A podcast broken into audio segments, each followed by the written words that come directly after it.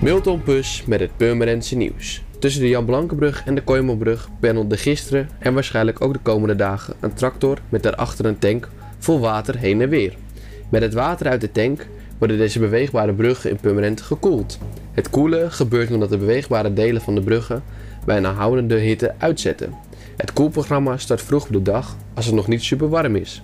De twee genoemde bruggen hebben prioriteit omdat zij het meest gevoelig zijn voor uitzetting. Maar ook de Beemsterbrug, de Horensebrug, de Weermolenbrug en de Melkwegbrug zullen gekoeld gaan worden, geeft het de gemeente aan.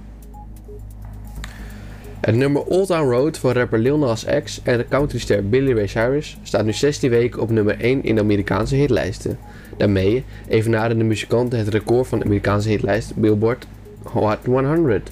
De 19-jarige producer ervan, Jan Kio, artiestnaam van Kio Raukema, komt uit Purmerend. In verband met de voorspelde hitte van vandaag gaat de matsmarkt op de Koemarkt niet door. De eerstvolgende matsmarkt is daarom verplaatst naar donderdag 29 augustus.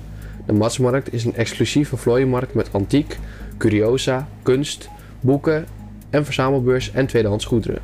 Voor meer nieuws, kijk of luister natuurlijk naar RTV Permanent, volg je onze socials of ga naar rtvpermanent.nl.